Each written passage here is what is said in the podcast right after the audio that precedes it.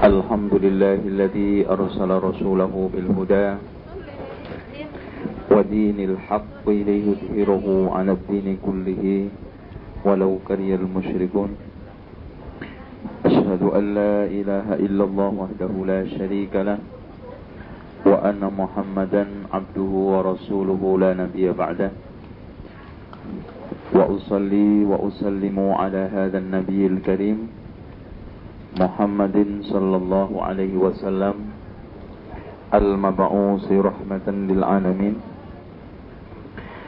فإن خير الحديث كتاب الله وخير الهدي هدي محمد صلى الله عليه وسلم وشر الأمور محدثاتها وكل محدثة بدعة وكل بدعة ضلالة وكل ضلالة في النار وإلى النار. Hadirin sekalian, kita lanjutkan pelajaran kita tafsir suratul Fatihah. Kita kemarin membahas tentang fadl keutamaan al-isti'adah ta'awud dan kita sudah tuntaskan dan kita selesaikan. Insyaallah kali ini kita akan mempelajari tentang makna ya makna al-isti'adah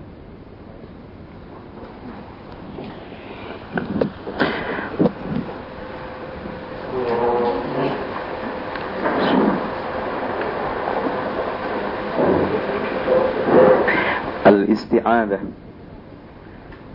pulpennya nggak ada ya Pak ya?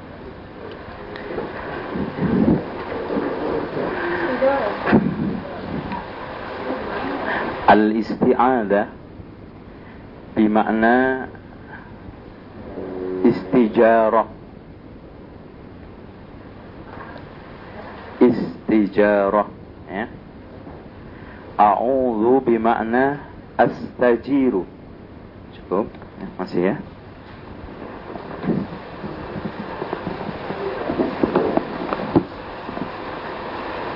Wah Masih ya with, with, with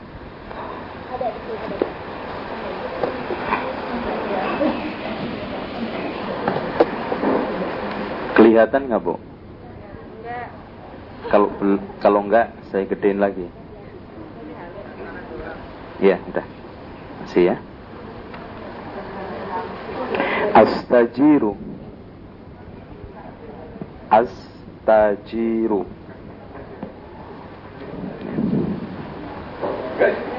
Nah, mah bener ini. Tadi nggak ada ide. Silo ya? Oh iya. Yang enak saya. ya. Astajiru dari kata jar. Ibu-ibu, bahwa sekalian pernah nggak dengar kalimat jarun? Jiran, apa artinya jiran? Tetangga. Berarti di sini a'udzubillah aj'alu Allah jaron. Li. Artinya ketika kita ta'awud kita jadikan Allah ini tetangga yang paling dekat buat saya. Maka ketika seorang itu ta'awud bahwa totalitas penyerahan segala apa saja yang akan terjadi itu di tangan Allah. Intinya di sini adalah asyaitonir rajim, yaitu dari asyaiton. Syaitan. Jadi hadirin sekalian, ketika kita melakukan ta'awud, hendaknya di samping lisan, batin dan perasaan kita itu benar-benar ada di sisi dan di samping Allah dan Allah itu sekarang menjadi tetangga pelindung yang paling dekat. Masya Allah, bagaimana tidak orang mukmin itu selamanya baik? Sebagaimana yang dikatakan oleh Rasulullah ajaban li amril mukmin. Saya heran terhadap urusan orang mukmin Inna amrohu kullahu khair seluruh urusannya itu baik. Fa in asabathu sarra'u fasyakara fakana khairon lahu. Kalau mendapat nikmat syukur baiklah buatnya. Fa in asabathu dharra fasabara fakana khairon lahu. Kalau dia itu ketimpa bencana musibah, dia sabar, maka baiklah buatnya. Kebaikan ini seperti ini. Karena Allah itu selalu dan selalu menyertainya. Nah, di sini kita akan jelaskan ma'iyah. Wahwa ma'akum aynama kuntum kebersamaan ketetanggaan kita dengan Allah ini apakah zat atau yang lainnya? Di sini para ulama membagi al-ma'iyah kebersamaan itu ada dua. Yang pertama ma'iyatun hissiyah. Yang keduanya adalah ma'iyatun ma'nawiyah. Artinya sifat. Kebersamaan Allah dengan kita itu terlebih kepada kebersamaan sifat-sifat Allah. Artinya pendengaran Allah bersama kita ilmunya Allah bersama kita terus sampai seluruh sifat-sifat Allah Subhanahu wa taala itu tidak lepas dari kita. Ini namanya ma'iyah Artinya kita itu di mana saja, kapan saja didengar, dilihat, diketahui, diapain lagi? Sifat Allah apa saja, Bu? Ada 99 nama itu. Ya. Itu pun tidak terbatas, masih ada nama lagi. Itu selalu menghunjam dalam di hati orang mukmin Itulah makna kebersamaan. Sehingga Rasulullah mengatakan inna lillahi tis'atan wa tis'ina isman faman ahsaha dakhalal jannah. Allah itu punya 99 nama kalau dihitung dia pasti akan masuk surga. Dia pasti akan masuk surga. Gak usah ngitung 99 bu. Ngitung dua saja. As-Sami'ul Basir Allah maha melihat, maha mendengar. Malu dong saya nggak sholat didengar, dilihat Allah. Nah, masuk surga kalau gitu. Iya nggak? Malu dong saya sekarang ini bodoh ogah-ogahan nggak ngaji, ya kan? Maka di sini nggak usah menghitung sebanyak itu, dua tiga saja sudah cukup. Dakhalal jannah maka ulama-ulama mengartikan di antaranya adalah Ibnu Hajar al-Asqalani di dalam kitab Fathul Barinya yang sebagian juga sudah dikaji oleh Ustaz Aslam bahwa makna ahsa menghitung itu dihitung, dihafalkan, dihayati, diamalkan. Nah, sehingga di sini muncul ma'iyah yang benar-benar. Bukan ma'iyah di sini artinya kebersamaan zat seperti aliran wahdatul apa? Wahdatul wujud. Tokohnya di antaranya Al Husain bin Mansur. Siapa mbak? Mansur Al Hallaj. Terus kemudian Muhammad bin Ali bin Muhammad Ibnu Arabi. Sampai di antara tokoh yang terdepan Wahdatul Wujud ini seperti Abu Yazid Al-Bustami hati-hati bu. Ini tokoh pentolannya. Dia sering mengungkapkan pernyataan-pernyataan nyeleneh. Di antaranya pernyataan yang paling paling apa ya berani saya pernah mengajukan doa tiga dikabulkan dua ditolak satu Saya meminta kepada Allah, ya Allah, kabulkanlah permintaan orang yang tawasul ke kuburanku, diamini sama Allah. Ya Allah, kabulkanlah permintaan haji umrohnya orang yang menziarahi kuburanku, amin juga. Terakhir saya minta kepada Allah supaya saya dimasukkan neraka ditolak. Alasan dia katanya, ditanya oleh jamaahnya, kenapa kamu ditolak oleh Allah doa satu ini? Karena kalau saya masuk neraka, gulung-gulung sekali aja neraka jadi padam berubah jadi taman. Di dalam pernyataan lain juga dia mengatakan Abu Yazid Al-Bustami ini di dalam jubahku ini tidak lain kecuali Allah. Maksudnya dirinya itu sudah nyampe kepada Allah. Maka dia menyimpulkan Fir'aun itu tauhidnya paling tinggi karena sudah bisa mengaku ana rabbukumul a'la. Saya adalah Tuhan yang paling tinggi lagi. Nah, Al-Husain ini juga termasuk tok ini tokoh awal dan dibunuh juga karena nyelenehnya itu begitu juga Muhammad ibnu Arabi di sini bu ada dua nama yang satunya ahli sunnah yang satunya wahdatul wujud tasawuf Ibnul Arabi itu bagus punya kitab tafsir al ahkam kalau Ibnu Arabi nggak ada alnya ini yang suka nyeleneh ini sering mengatakan ini Ibnu Arabi. Saya melihat Tuhanku dengan mata hatiku. Kemudian saya bertanya, siapa engkau? Dia menjawab, aku adalah engkau. Apa maknanya aku adalah engkau? Aku adalah Tuhan, Tuhan itu aku. Maka ada tokoh Wedatul Wujud yang namanya Tilmizani bukan tilmisani yang ikhwanul muslimin ya. Tilmisani dulu. Ketika ditanya oleh Syirazi, kenapa kamu sampai menyetuskan teori seperti itu? Semua yang ada ini adalah Allah. Sampai yang ini juga Allah, iya.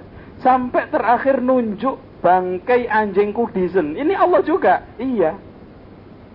Itu kan sudah keterlaluan. Ini. Karena ma'iyah kebersamaan ini sudah nyampe ke zat. Ini sesat. Makanya di sini orang tasawuf itu berangkatnya untuk meniti karir spiritual lewat dua cara, Bu. Cara yang pertama dengan menyiksa dan dan apa? Dengan menyiksa diri. Ya, ada yang dengan cara berpuasa sampai tahun-tahunan, tiga tahun, tiga bulan, tiga hari, ada yang puasa cuman makan nasi putih saja, nggak lau lauan itu nggak pakai, macam-macam. Bahkan di antara mereka puasa tahun-tahunan. Ada yang dengan menyiksa diri, di antaranya ada orang yang pernah datang ke Abu Yazid Al-Bustami. Saya ini punya penyakit riak, pengen dipuji orang terus. Untuk caranya ngilangi gimana? Dia sarankan, ente pakai kalung kelapa. Jadi kelapa kecil-kecil itu suruh bikin kalung, terus kemudian pergi ke pasar atau digiring sama anak-anak itu kalau ente disentilin, ditempelengin, dicongok ini dijorokin diem saja. Dengan itu kamu nanti akan nyampe kepada titik. Amalan-amalan itu tidak ingin dipuji oleh orang. Tidak akan senang karena dipuji orang tidak akan sedih karena dihina orang sudah terlatih. Ini jelas tersesat, ini cara-cara sufi tasawuf dan ini ditiru oleh anak-anak ospek. Makanya jiplakan tasawuf itu, anak-anak ospek itu nggak benar. Ya.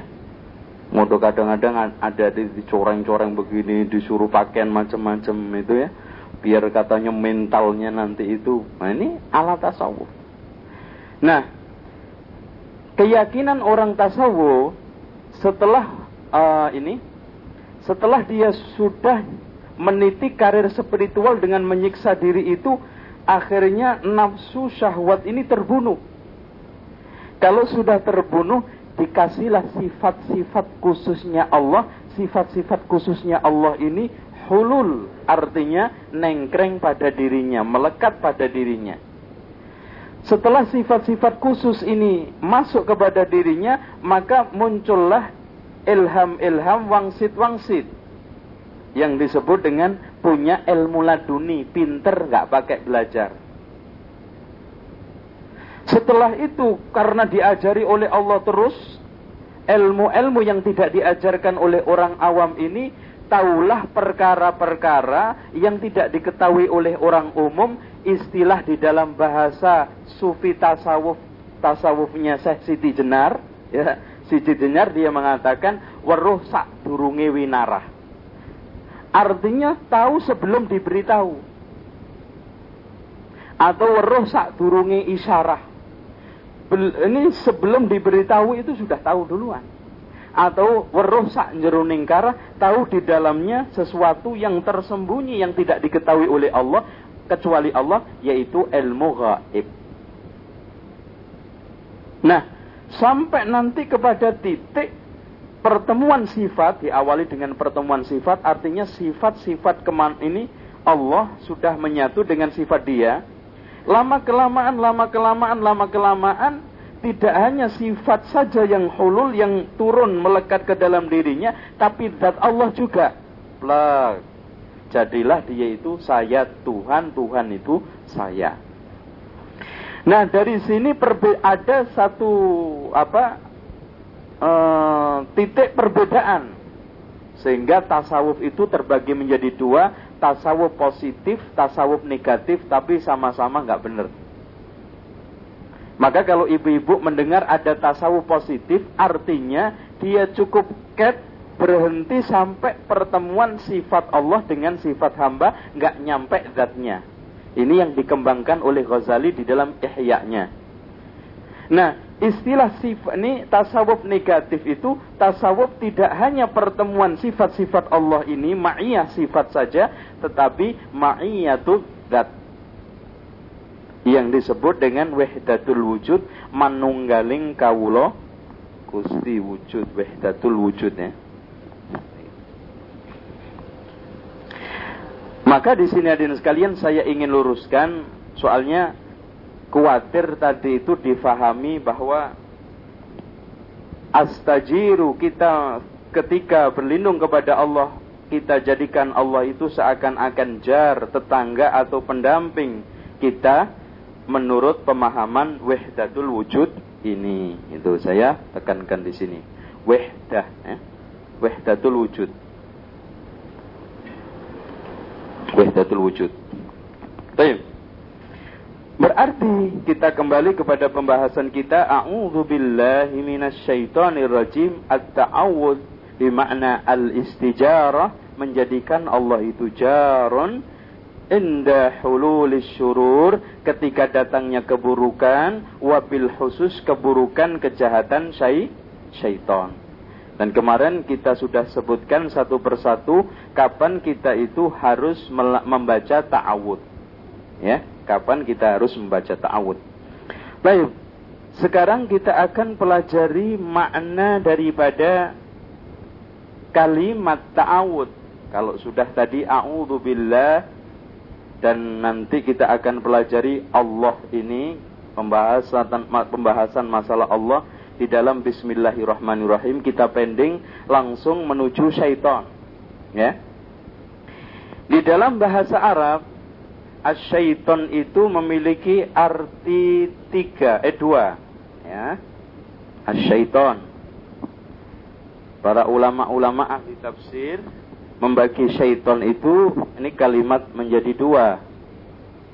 Itu asal daripada syaiton itu yang pertama dari syatona. Makanya kalau namai anak jangan syatona ya satonah itu setan. Ya. Hati-hati ada orang mentang-mentang Arab. Ya. ini kan Arab dari Quran. Itu. Satona itu satona bimakna ba'uda. Ba'uda jauh. Ulama lain memberikan satu makna syaitan ini berasal dari kata syato. Bima'na lahaban naru. Syato bimakna lahaban naru. Artinya api yang menyala-nyala. Ya. Baik syatona maupun syato ini memiliki kemiripan makna kalau kita kembalikan kepada syaiton. Karena pertama syaiton itu memiliki tabiat perangai yang panas karena diciptakan oleh Allah dari api sehingga kita ketika marah disuruh apa kemarin Bu? Wudu. Wudu dulu. Setelah wudu selesai kok masih marah duduk. Ya. Kalau juga masih marah tidur sudah terakhir. Suruh tidur.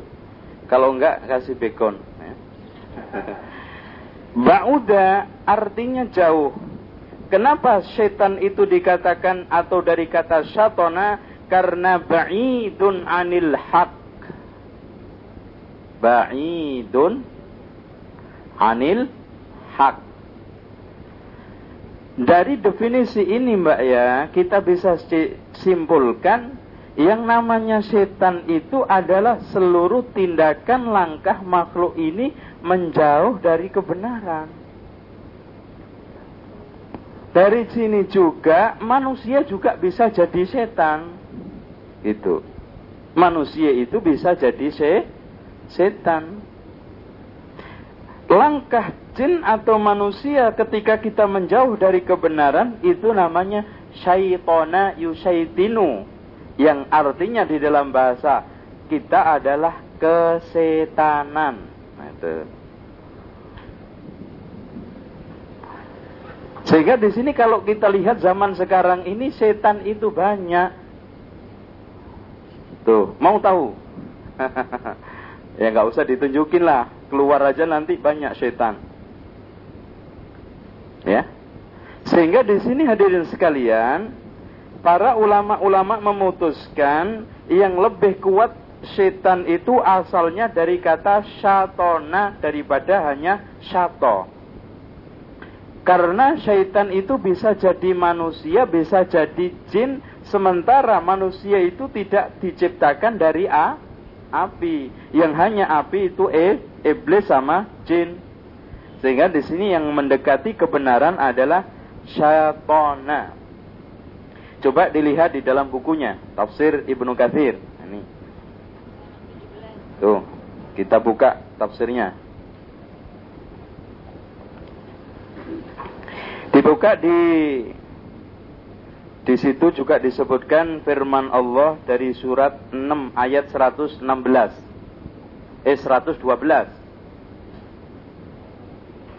Ayat 6. Eh ayat 6. Surat 6 Surat 6 surat apa Mbak? Al-An'am ayat 112. Halaman 17 uh, eh, Bapak-bapak itu buku Iya, yang sudah menemukan di kitabnya dibuka atau di tafsirnya ya, kalau ada yang Quran terjemahan ya, nggak apa-apa dibawa Quran terjemahan atau tafsir ya, biar kita memudahkan membuka ya. Itu. A'udzu billahi minasyaitonir rajim. Wa kadzalika ja'alna likulli nabiyyin aduwan syayatinal insi wal jin. Nih yuhi ba'duhum ila ba'din zukhrufal qawli gurura. Yang artinya sudah ketemu Bu?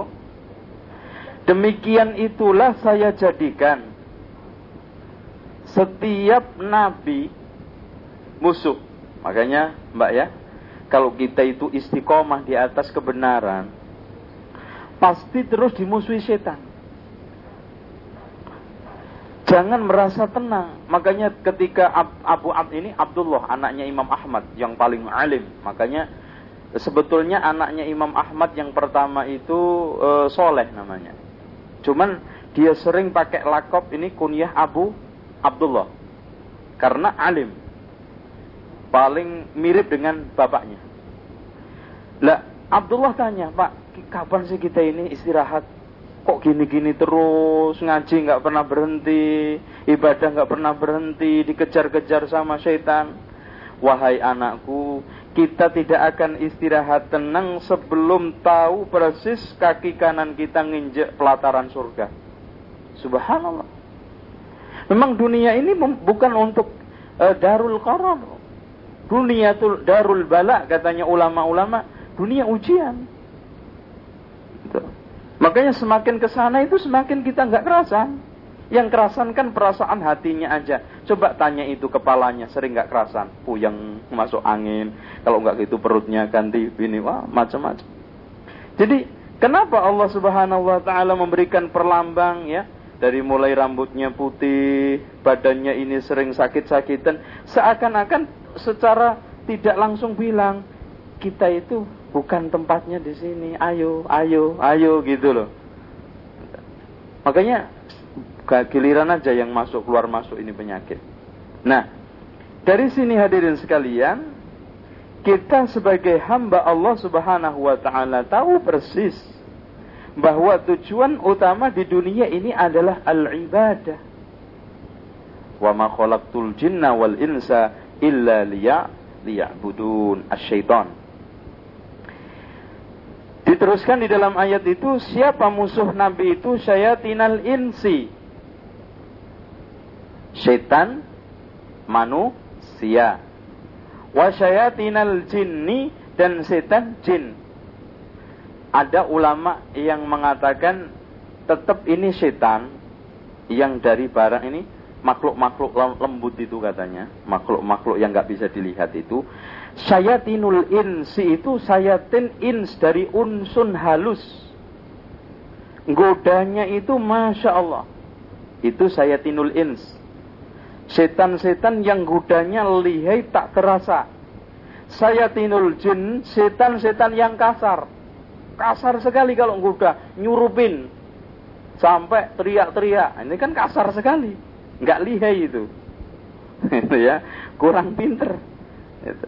Lah orang dikuda dicekik di ini ya ketahuan. Wah ini jin masuk kan gitu. Kalau yang insi ini lain, lihai, nggak terasa untuk dikuda dia. Namun yang sahih yang benar ini juga sama tafsirnya ayat alladzi waswisu fi sudurin nas minal jinnati wan nas. Jin itu setan kasar, annas itu unsun yaitu setan yang lembut sekali di dalam cara-cara menggodanya. Tapi as-sahih sayatinul insi adalah kita bisa saja jadi setan ya. Wal jinni jin. Itu. Dengan demikian tidak ada makhluk khusus yang namanya setan. Ini loh ada makhluk yang diciptain dari sana, makhluk namanya setan seperti makhluk namanya manusia. Jadi setan yang asli ciptaan itu hanya iblis dan itu satu.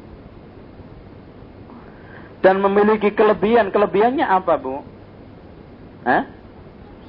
tidak bisa mati hingga hari kiamat karena permohonan. Fa'anzirni ila yaumi yuba'atun. Ya Allah, tundakanlah umurku ini hingga hari kia, kiamat yuba'atun, hari pembangkitan. Kebangkitan sudah kelenger setan itu. Nah itu, Masya Allah dan sekalian. Kalau saya jadi iblis juga nggak sanggup itu. Istiqomah muda dari mulai Adam sampai hari kiamat itu. Kita istiqomah ngajin tahun aja belum tentu loh. Itu Si iblis itu masya Allah. Saya itu kadang-kadang renung kalah saya sama iblis. Istiqomah di dalam kebenaran dia istiqomah goda kita. Coba dari mulai Adam. Sumpah-sumpah lagi nggak pernah istirahat nggak pernah kata saya ini putus asa sudah. Cuman satu di sini setan itu memang sangat putus asa sekali dan bahkan menangis ketika melihat anak Adam itu sujud. Terus dia bilang, umidur sujud fa'abaitu. Fadakhaltun nar. Saya diperintahkan sujud, saya menolak. Saya masuk neraka. Sementara diperintahkan Adam ini sujud, mau masuklah surga. Sama di Arafah. Di Arafah itu menangis bahkan banyak setan-setan yang kekeringan di Arafah itu. Makanya pergilah ke Romawi, ke Amerika, ke sana sini. Tuh, dosa-dosa orang segitu banyaknya diampuni. Itu disebutkan juga di dalam cerita ini panjang lebar di dalam kitab Musibah Manusia dari tipu daya asyaiton. Hadirin sekalian, kita lanjutkan. Berarti di sini sayatinul insi wal jinni itu wakil nyata dari kalangan manusia dan jin. Bahkan di sini di dalam hadis Rasulullah dikuatkan, dilihat bu ya, ada nggak hadisnya? Abu Dhar, ya Abu Dhar, ta'awad billahi min sayatinil ins. Wahai Abu Dhar, berlindunglah kamu dari syaitan manusia. Awalil insi syayatin ya Rasulullah. Apakah manusia ini punya setan ya Rasulullah? Naam. Sayatinul insi adarru minal sayatinal jin. Setan manusia itu lebih berbahaya daripada setan jin. Lebih berbahaya. Itu. Bahayanya di mana? Sederhana sekali. Kalau orang kena kesurupan, diapain, Bu? Diruqyah, dibacain ayat kursi, Quran satu dua ayat keluar. Manusia dibacain ayat kursi, nyengir. Setan manusia malah nyengir. Efret itu bu ya kalau dengar azan ngapain? Lari terkentut-kentut nangis. Coba sekarang setan manusia dengar azan, malah ngambil gitar. Itu kan? Ini. Maka di sini lebih berbahaya. Lebih berbahaya. Dari sini juga setan jin mati juga, setan manusia juga bisa mati. Maka makhluk jin itu mati. Cuman umurnya banyakkan panjangan jin daripada manusia. Itu. Bahkan ada yang umurnya sampai ribuan. Dalilnya dari diriwayat Ahmad, jin itu bisa mati ya. Jin itu bisa mati. Kalau ditanya, jin itu punya anak enggak? Punya. Bisa mati enggak? Bisa.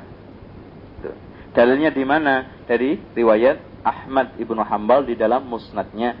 Ada sahabat yang tengkar sama ular itu, ternyata ularnya jin, ularnya mati, manusianya juga mati. Baik, ini makna daripada syaitan dan hadis-hadisnya. Di sana ada juga hadis yang penting sekali saya sampaikan di sini, yaqta'us salata bisa membatalkan sholat, memutuskan sholat almar'atu perempuan. Maka menurut pendapat sebagian ulama, kalau kita sholat tidak ada sutrohnya, penghalang di depannya ini ada perempuan lewat batal sholat kita. Perempuan keledai sama anjing hitam. Rasulullah mengatakan, Mabalul aswad minal ahmar wal asfar. Apa bedanya sekarang setan ini anjing hitam kuning sama merah ya Rasulullah. Gitu. Ngapain kok hitam ini nggak kuning gitu? Al kalbul aswad syaiton, anjing ini hitam itu syaiton. Makanya dari sini juga jin itu bisa menjelma ke makhluk dan sering-seringnya itu ular sama anjing hitam. Tuh, makanya orang muslim tidak boleh meletakkan anjing di rumahnya Memelihara boleh untuk jaga hewan, untuk jaga kebun tanaman. Tapi untuk dimasukkan di rumah nggak boleh karena menghalangi masuknya malaikat dan yang kedua kalau dengar anjing melolong itu kita harus ta'awud terus. Ya, kalau terus menggonggong terus setiap hari kita sama anjing nanti. Itu kan. Makanya nggak usah dimasukkan ke rumah ya. Kita akan sudah Umar juga pernah naik ini keledai. Keledainya itu nggak karu-karuan. Jadi Umar itu sampai jatuh ya. Udahlah turun aja. Ente ini nggak ngasih kendaraan saya kecuali syaitan. Nanti syaitan. Maka dari hadis ini juga bahwa kullu ma tamarrada min insin wa hayawanin syaitan. Setiap yang tidak beres kelakuannya itu setan. Kendaraan ke manusia ke apa saja kalau nggak beres ininya namanya setan. Itu, nggak beres. Ya, di sini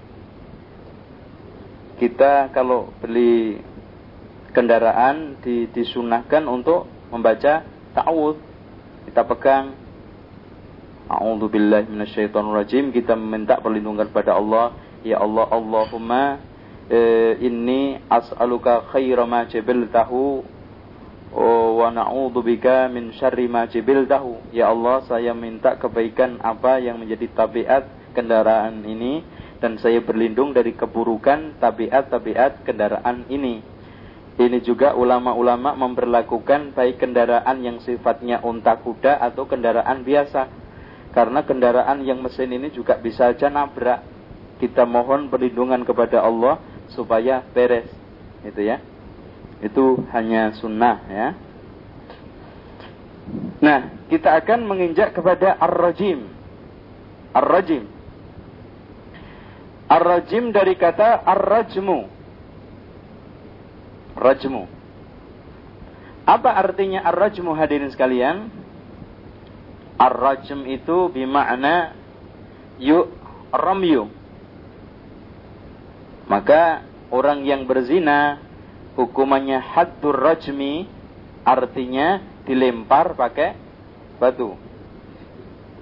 Nah, di sini asyaiton ar-rajim dari kata ar-rajim ya Bu ya. Al-marjum artinya yang terlempar atau yang tertolak atau yang terusir. Al-matrud. Ya. Al-matrud. Ada kori namanya al-matrud itu ter, terusir itu nama mbahnya itu Al-Matrud jadi kabilah namanya Al-Matrud sehingga anak-anak cucunya semuanya pakai Al-Matrud ya Baik. dikatakan Ar-Rajim karena Al-Matrud anil khairi terusir dari kebaikan kulli kullihi Artinya dikatakan ar-rajim karena sudah nggak ada baiknya.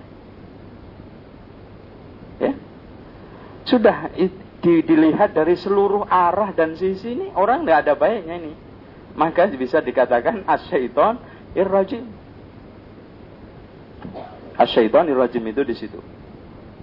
Maka dari sini hadirin sekalian, kapan saja baik manusia jin ini apa setan jin atau setan manusia kalau dia itu terjauh dari keba kebaikan dan tidak ada baiknya dilihat dari semua sisi kullihi maka bisa disebut ar-rajim. Namun ini hanya berlaku untuk manusia.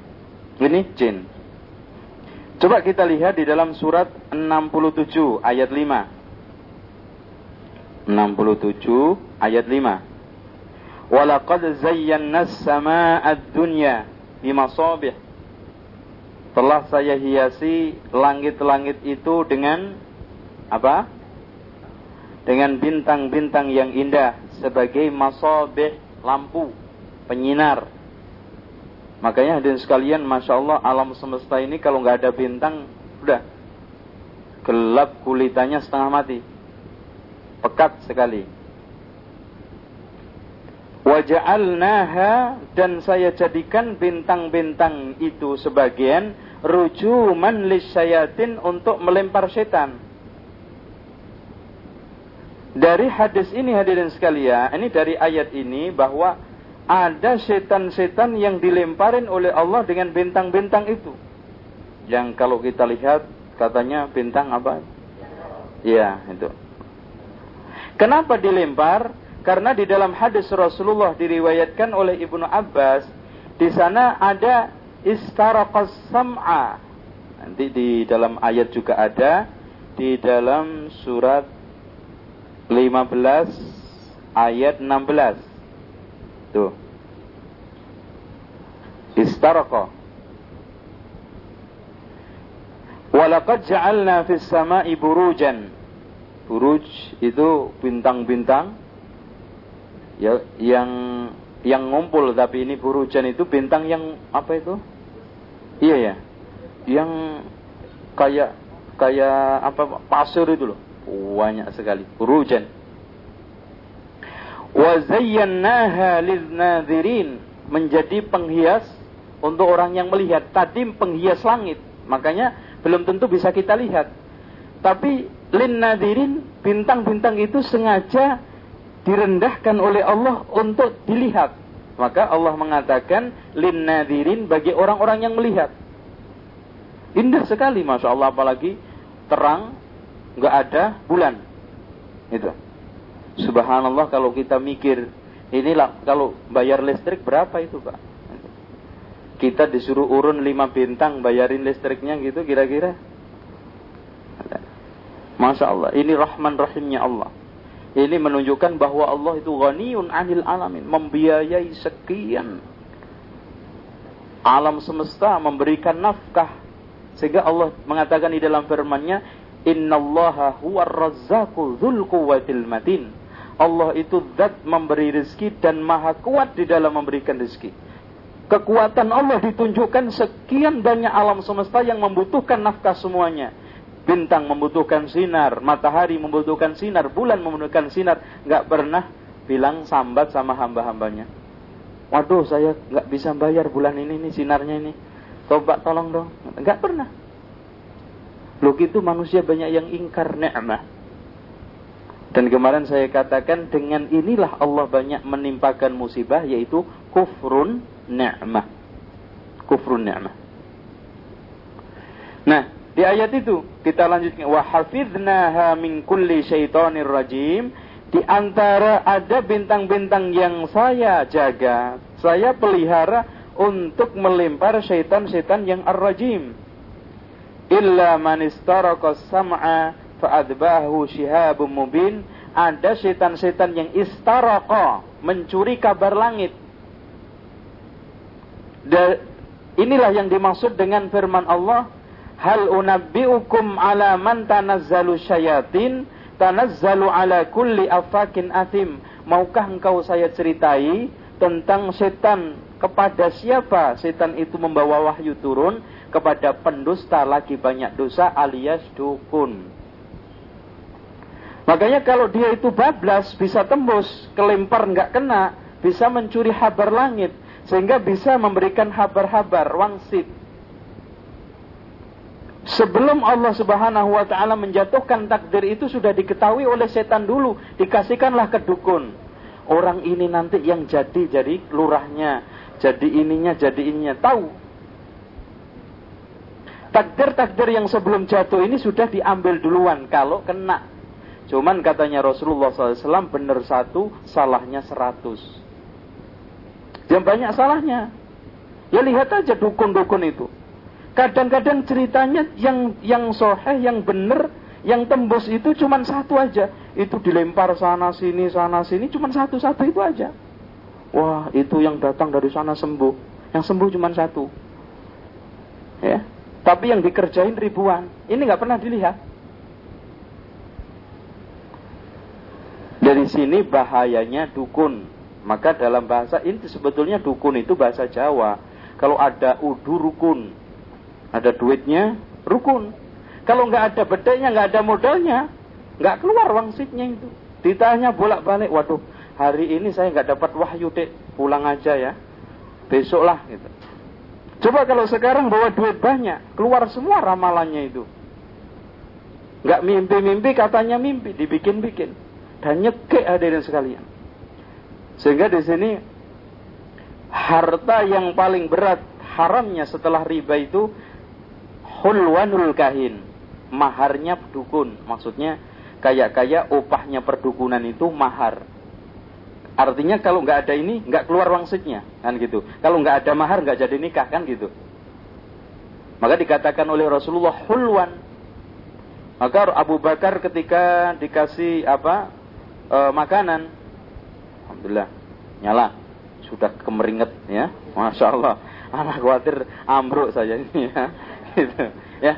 Nah ketika dikasih makanan salah seorang sahabatnya yang dulu itu bekas dukun.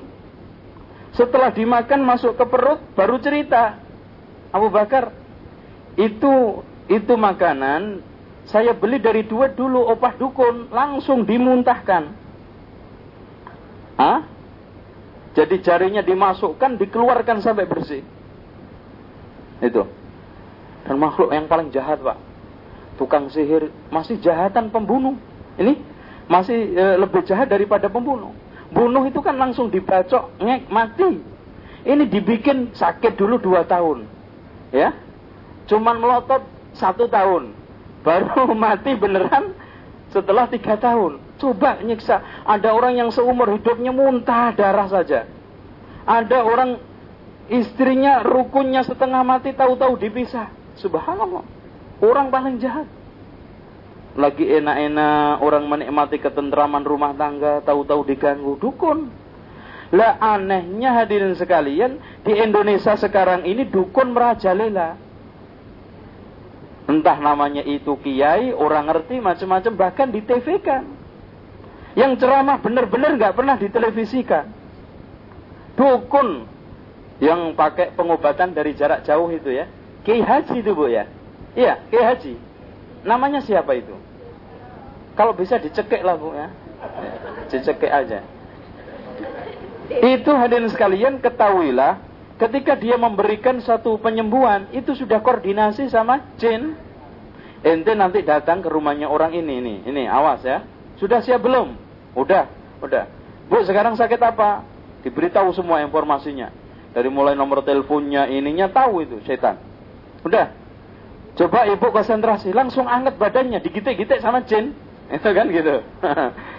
itu makanya di sini jangan kerjasama itu lebih berbahaya ngundang jin. Jadi badannya, wah iya bener ya, ada reaksi sendiri. Ternyata anjing. Dan sekarang dipasarkan di majalah, di koran, terus kemudian benda-bendanya ada jimat-jimat, sabuk perkoso, ya, sabuk perkoso apa lagi, jimat semar mesem, semar mendem, semar gendeng, gitu kan gitu. Ini di dipasarin semua di koran-koran itu. Kalau dulu itu biasanya kita datang ke orang ngerti itu pakai puasa, disuruh puasa dulu, ini enggak sekarang siap mateng. 150 ribu siap pakai, gitu kan. 100 ribu, 75 ribu, sabuk, macam-macam itu. Nah ini semuanya adalah ulah jin lewat dukun-dukun yang dikatakan oleh Allah afakin azim pendusta lagi banyak dosa. Makanya jangan sampai mendatanginya itu diancam oleh Rasulullah. Ancamannya apa bu? tidak diterima sholatnya 40 hari 40 malam. Itu hanya datang tok loh. Kalau dibarengi dengan membenarkan ancamannya lebih berat telah kafir terhadap ajaran Muhammad sallallahu alaihi wasallam. Itu. Kenapa? Karena membatalkan agama. Rata-rata dukun itu modalnya cuma dua. Kalau nggak syirik haram. Kalau nggak syirik haram. Maka syaratnya ada yang suruh nyembelih ayam putih mulus. Nanti kepalanya suruh nanam di tengah rumah. Atau di pintu. Atau di tempat usahanya. Dikasih bungkusan. Ada pernah kejadian e, pelaris. Kalau nggak salah orang jualan bakso. Datang ke dukun. E, disuruh cari BH bekas. Nah BH itu nanti dijabat-jabi disuruh masukkan ke air baksonya itu laris insya Allah. Itu. Nah itu pas ketahuan, pas nyeduk begitu, ininya uh, apa ini bu? Centongnya itu ada ada ininya, enggak uh, apa itu namanya? Pakunya nyantol, itu keangkat.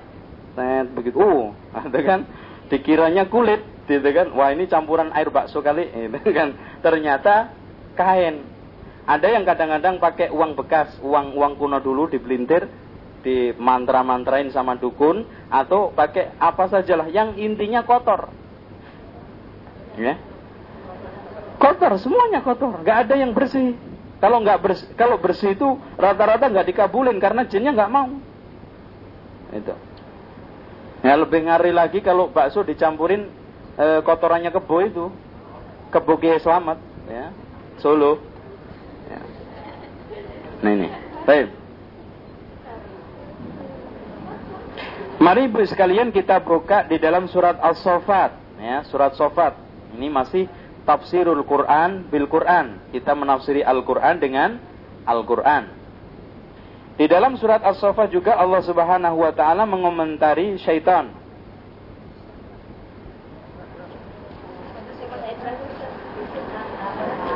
Inna zayyana sama'a dunya bizinatil kawakib. Ayat 6 Bu, dari mulai ayat 6. Waduh. Ayat surat berapa? Surat setelah Yasin. 37 ya. Nah, apa ya Bu Yasin ya? Yasinan terus ya. Ya. Baik. Inna zayyana sama'a dunya bizinatil kawakib. Hadirin sekalian, yang dimaksud kawakib di sini bukan bintang, tapi pela pelangi, planet. Aduh. pelangi mah ini. ya, baik. Uh, sehingga di dalam surat surat ini di dalam surat Yusuf planet itu ada berapa, Bu? Ya abadi inni ra'aitu ahada asyara kaukaban. Sama mataharinya sama semuanya sebel sebelas. Ahada asyara kaukaban wal ini li sajidin. Sujud. Ya. Sujud artinya di sini ada sekalian sujud lil ihtiram bukan sujud nyembah. Sujud untuk memuliakan, menghormati, bukan menyembah. Itu, ini termasuk juga keutamaan Nabi Yusuf. Dan kalau kita cerita tafsir surat Yusuf, masya Allah, di sini eh, bagi orang-orang yang tergoda istiqomahnya dan yang lainnya, bacalah surat Yusuf itu sehingga kita banyak ibrah. Maka Allah mengatakan di tempat itulah ada ibrah. Ada pelajaran yang sangat berharga. Baik. Wahafidna min kulli syaitanin marid. Apa perbedaan antara syaitonir rajim dengan syaiton marid? Marid ini lebih ini lebih jahat daripada rojim. Jadi rojim itu adalah terlempar terusir dari ke kebaikan karena saking jahatnya sehingga dikatakan marid. Ya, marid bukan marid. Kalau marid itu sakit. Kalau maridun artinya sudah keterlaluan ya. Sudah sangat keterlaluan kejahatannya itu. Marid. La yasamma'una ilal mala'il a'la wa yukdafuna min kulli janib. Jadi uh, dia tidak mampu untuk mendengar ilal mala'il a'la ya wahyu-wahyu yang di sana karena dia dilempar dari setiap arah. Duhuran walahum adabun wasib ya. Satu azab yang sangat pedih. Illa man khatifal khatfata fa'adba'ahu shihabun thaqib kecuali yang berhasil menembusnya. Sebutkan di dalam riwayat Ibnu Abbas itu numpuk begini. Jadi setan itu munjung sampai ke langit jadi apa ya bersusun jadi nginjek temannya terus sampai masya Allah dan bahkan mereka itu sudah memiliki eh, kantong-kantong di langit itu untuk mantu habar langit. Jadi dia sudah punya tempat tetap. Dari sini katanya Syekhul Islam Ibnu Taimiyah, setan itu ini jin terbagi menjadi tiga. Jin melata, jin berjalan seperti kita, jin terbang. Maka kalau ada orang bisa terbang itu diterbangin sama jin. Ya, ada yang bisa ke Mekah kalau tahu benar itu jin. Tidak ada karomah orang bisa terbang itu, nggak ada. Ya. Ini hadirin sekalian makna ar-rajim. Jam berapa, Pak? Waduh, masih lama ya? eh, istirahat dulu, Bu, ya, istirahat. ya.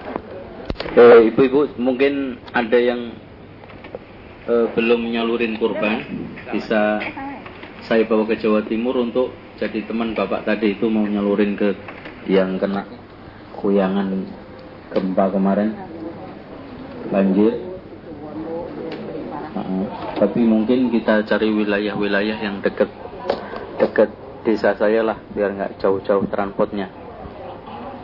Tapi uh,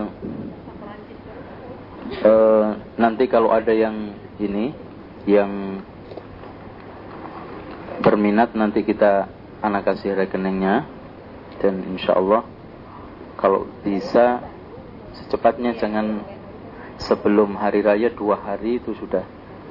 Ini Iya. Iya, cuman awalnya kita hari hari Jumatnya, tapi nggak apa-apa juga. Mm iya, iya. Nanti uh, Mbak Ria, uh, kasih rekeningnya Mbak Ria ya, nanti dikoordinir rekeningnya di sana, Insya Allah. Ya, kalau di Jakarta ini sudah banyak daging sampai banjir. Nah, yang di Ambon ini banyak daging manusia. Insya Allah nanti kita akan salurkan ke desa. Mungkin saya nanti pulang ya.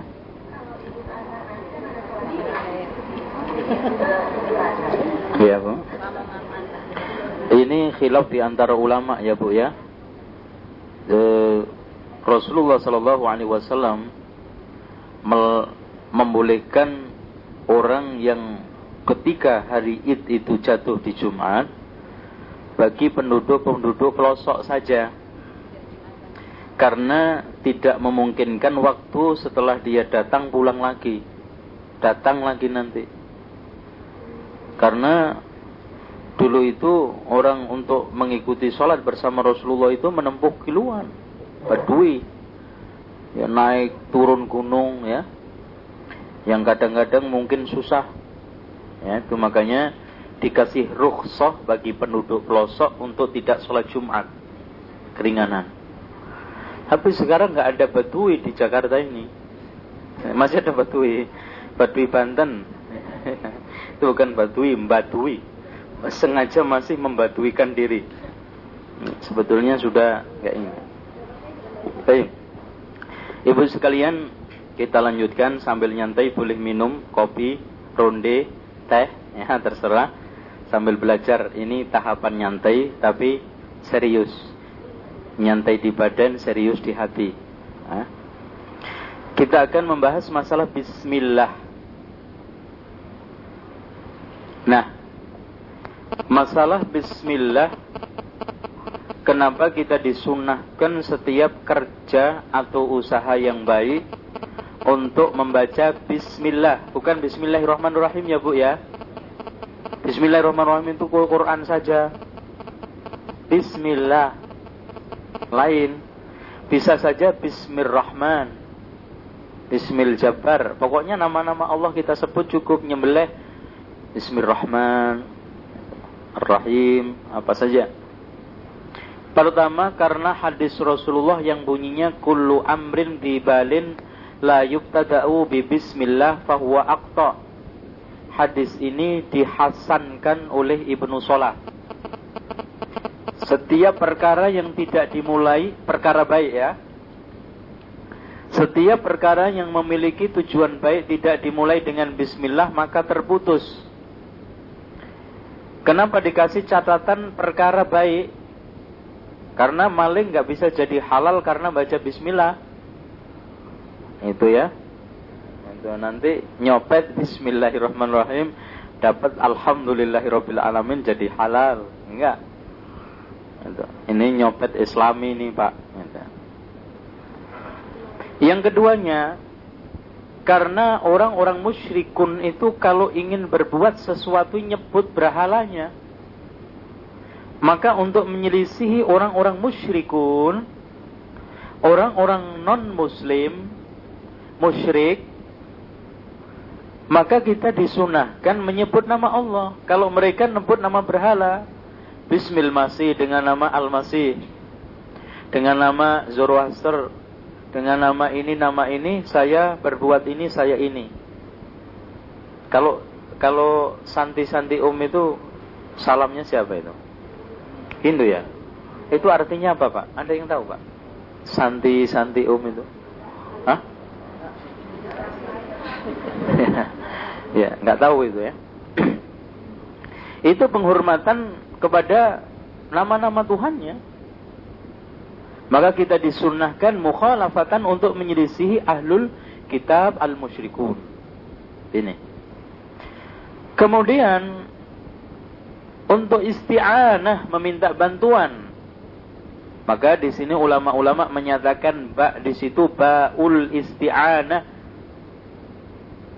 Artinya dengan kita membaca bismillah, pekerjaan-pekerjaan yang kita lakukan ini ditolong oleh Allah. Isti'anah.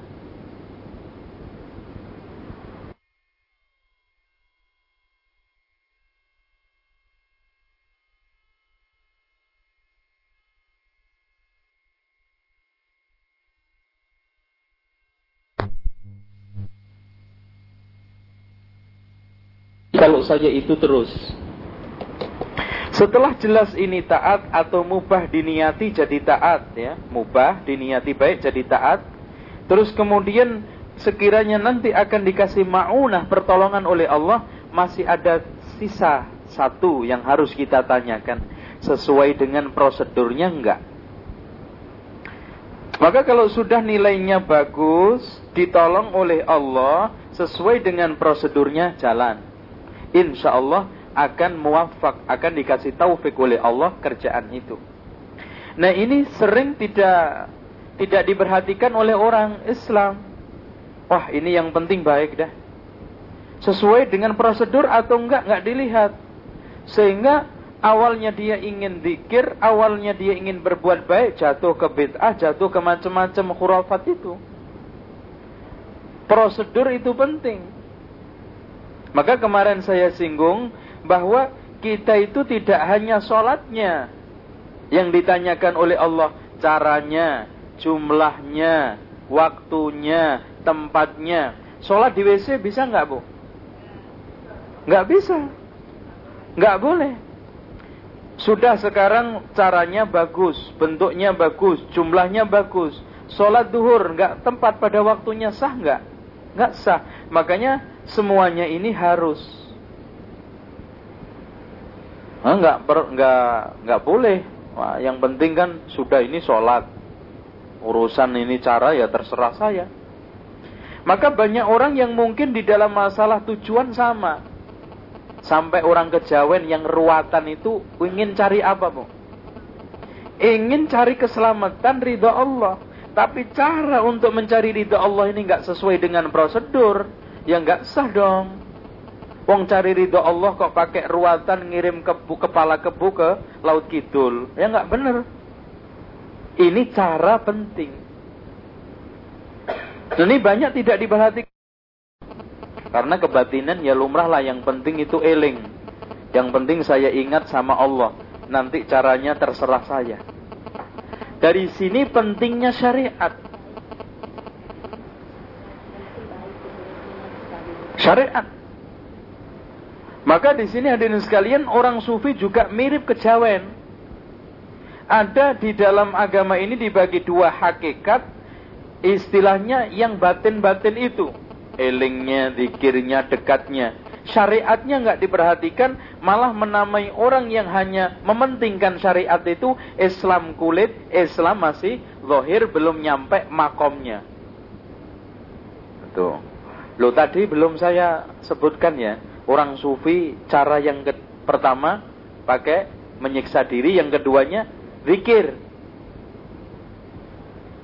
Nah, untuk meniti ritual orang sufi itu bisa dengan menyiksa diri seperti tadi yang saya sebutkan, keduanya dengan zikir. Sampai zikirnya itu Masya Allah histeri. La ilaha illallah terus dikompas sampai Allah Allah Allah Allah Allah Allah. Sudah lenyap semakin lenyap semakin tidak ada fana. Tinggal hu hu huwa huwa huwa huwa tinggal hu hu hu, hu. udah. Jadi kalau sudah zikirnya itu nggak ada suaranya dia sudah nyampe pada fana titik fana siapa saya sudah nggak tahu. Nah kalau sudah fana nah kembali lagi hulul mulai ketemu antara kekuatan Allah dengan kekuatan manusia. Ya sama nanti akhir-akhirnya kalau nggak wihdatul wujud pertemuan sifat atau pertemuan dat itu. Nih, prosedur juga penting di dalam zikir. Anda boleh sekarang ini mendekat dengan Allah, tapi caranya nggak benar seperti itu. Zikir sampai esteri sampai, masya Allah. Ada yang gila loh, gara-gara zikir itu. Jadi orang orang sufi itu untuk nyampe kepada wali gendeng dulu. Kalau belum gila, belum bisa dikatakan wali. Di istilah pesantren itu namanya jadab. Jadab itu gendeng tapi nggak gendeng. Jadi gendengnya ini gendeng positif. Itu. Lah gendeng negatif yang itu yang di jalan-jalan itu, gendeng positif itu gendeng untuk mengawali wali, jadi wali. Makanya di sana ada beberapa orang yang nyeleneh kelakuannya malah disanjung-sanjung. Ya diangkat-angkat. Itu. Karena diyakini bahwa ini awal untuk meniti karir kewalian. Nah ada yang nyampe, ada yang kebablasan gendeng beneran. Nah untuk yang bablasan ini ya. Itu. Soalnya dia melakukan puasa macam-macam itu. Puasa, kadang-kadang pikir ya. Belum lagi nanti tirakatan-tirakat. Kemarin ada katanya tirakat dari sebelah mana itu.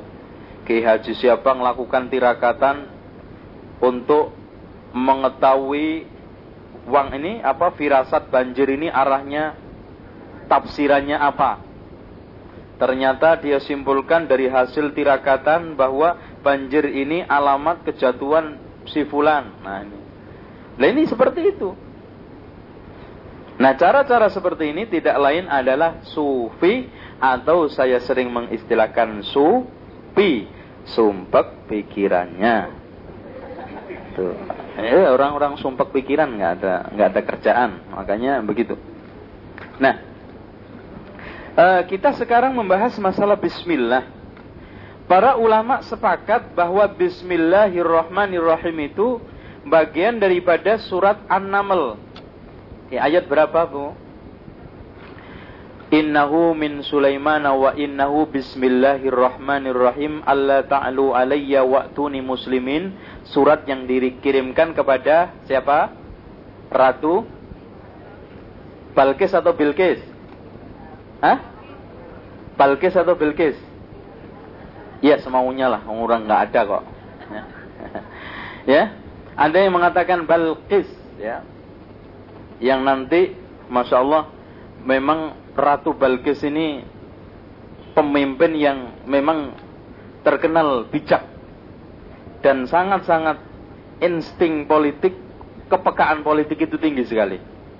Suatu contoh ketika disuruh Sulaiman untuk menyerahkan dirinya dan seluruh rakyatnya datang menyerah, dia nggak langsung. Tetapi ngirim hadiah. Apa tujuannya ngirim hadiah? Apa ngerayu? riswah, nyok apa? E, apa itu? Nyuap. Enggak. Walaupun ini musyrik, tapi pemerintahnya bersih, Bu. Tapi tujuannya untuk mengukur kekuatan musuh. Iya. Den, kalau nanti ini hadiah diterima, berarti kekuatan ekonomi dan kekuatan militer ini pemerintahan yang mau nyerang saya segini. Sementara nilai harta yang saya kirimkan itu di bawah kekayaan kekuatan saya sekian persen. Kalau diterima berarti saya bisa melawannya. Terus perang. Kalau ditolak berarti kita harus mundur. Ini hebatnya dia. Ternyata ditolak. Utusannya masuk istana itu pagernya sudah emas. Dia mau bawa emas cuma segini.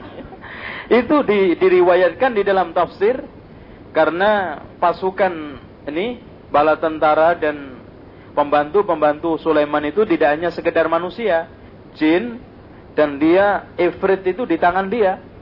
Ifrit jin dari kabilah Ifrit itu di tangan dia. Makanya ada yang menyelam cari emas ke laut mutiara itu semua pagernya aja emas. Dari sudah masuk pintu istana itu sudah ngeper. Kita mau ngasih emas segini nih, temboknya aja emas ini. Udah. Terus kemudian dah bawa pulang. Kamu yang merasa puas dengan hadiah kamu, bukan saya. Ini kan sudah ngeper juga. Kalau sekarang yang memberikan hadiah rata-rata kan puasan yang dikasih daripada yang ngasih. Kalau sudah yang puas yang ngasih, ini loh yang nggak beres kan gitu. Pulang aja. Akhirnya pulang. Nah dari situ dia mulai tahu pulang tidak membawa berita apa-apa kecuali hadiahnya ditolak dia faham, kita harus datang menyerah. Jangan. Karena tidaklah seorang raja atau pemimpin menyerang suatu negeri pasti membuat kita hina, rusak negeri kita. Datang, kemudian sebelum datang Sulaiman memberikan uh, ini perintah. Ada di antara kalian-kalian ini yang bisa mendatangkan singgasananya. Ifrit ngangkat tangan. Waqala Ifrit Katanya Ifrit berkata, saya mampu sebelum kamu pergi dari majelis. Jadi sebelum kita bubar nanti, singgasananya Belkis itu udah datang. Udah ada di depan matanya. Wah kurang cepat, katanya Sulaiman. Ini bisa-bisa nanti datang duluan, eh, singgasananya belum datang. Akhirnya ada seorang manusia. Ini juga Allah ingin menunjukkan bahwa apa pun nanti akhirnya manusia yang lebih utama dan yang paling hak menjadi khalifah fil ard ini. Saya mampu mendatangkan sebelum kamu kedip. Plak, begitu sudah datang. Ini orang dikasih oleh Allah ilmu-ilmu uh, tentang asma wa sifat, tapi jangan dicari. Sudah nggak ada ini ilmunya. Nanti wirid asmaul husna biar ingin terbang, ingin ngangkat istana, nanti jadi hidup di fata morgana, nanti bisa-bisa mimpi ketemu Aladin sama ya, itu ya.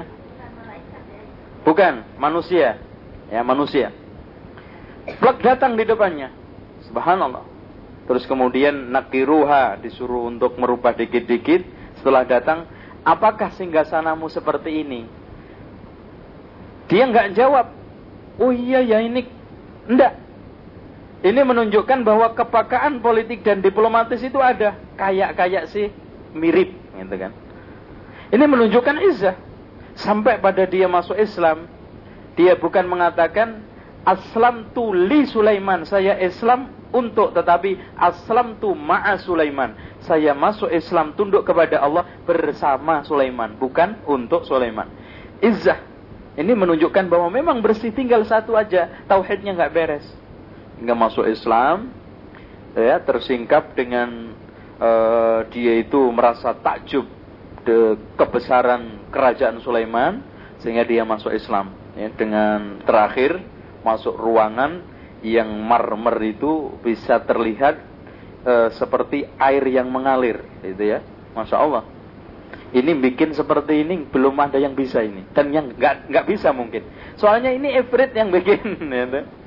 makanya di dalam bahasa ifrit itu segala sesuatu yang menakjubkan e, orang Saudi atau orang Arab untuk menamai bahasa Arab dungkraknya mobil itu namanya ifrit Kenapa dikatakan ifrit? Karena barang kecil bisa ngangkat mobil itu kan. ifrit itu. Itu. Kayaknya pernah ada sopir kerja di sana. Ambilkan ifrit. Waduh. Mana? Saya datang ke sini bukan melihara jin. Disuruh ngambilin ifrit. Ternyata suruh ngambilin dongkrak mobil itu. Bingung dia. Kayaknya penting mengetahui bahasa kaum itu ya. Baik. Hadirin sekalian, uh, itu sepakat tentang masalah bismillah bagian daripada surat An-Naml. Nah, sekarang selain itu ulama berbeda pendapat. Ada yang mengatakan bagian dari semua surat termasuk Al-Fatihah. Jadi semua surat itu bismillah itu bagian daripada awal dari surat itu. Yang mengatakan ini di antaranya adalah Imam Malik. Ada yang mengatakan kedua surat tersendiri bukan bagian daripada ini ayat itu, jadi ayat tersendiri yang diletakkan di awal. Yang terakhir bukan bagian dari semua surat. Kalau yang mengatakan ayat tersendiri tadi itu Imam Ahmad bukan bagian dari semua surat itu Imam Malik. Dari sini perbedaan Bismillah itu dikeraskan atau tidak? Yang mengatakan bahwa Bismillahirrahmanirrahim itu bukan bagian dari seluruh surat, nggak usah dibaca. Makanya langsung membaca Alhamdulillahirabbil alamin. Terus ya. Ar-Rahmanirrahim ya, terus. Nah, kalau sekarang yang mengatakan bagian daripada seluruh surat jadi ya baca, cuman kalau menurut Imam Ahmad dipelankan, menurut Imam Syafi'i dikeraskan. Sebetulnya sama-sama dia ini mengatakan Bismillah itu bagian dari Fatihah. Cuman Imam Syafi'i sunnah dikeraskan. Imam Mal ini Imam Ahmad sunnah dipelan pelankan. Dasarnya Imam Syafi'i pertama dilihat di dalam Quran ini tafsirnya. Uh, ada hadis Rasulullah Sallallahu Alaihi Wasallam yang diriwayatkan oleh ini uh, dari Abu Hurairah ya, oleh Imam Al Baihaqi dan Daruqutni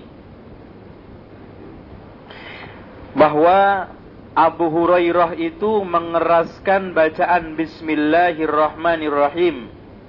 Kemudian setelah itu dia mengatakan, Inilah asbahukum solatan bi Rasulillah. Sesungguhnya aku adalah orang yang paling mirip solatnya dengan Rasulullah. Berarti dari sini Rasulullah itu solatnya membaca Bismillahirrahmanirrahim. Kemudian hadis yang kedua, hadis dari Anas bin Malik. Anas bin Malik juga mengatakan bahwa Rasulullah Shallallahu Alaihi Wasallam memulai sholatnya dengan qara'a Bismillahirrahmanirrahim.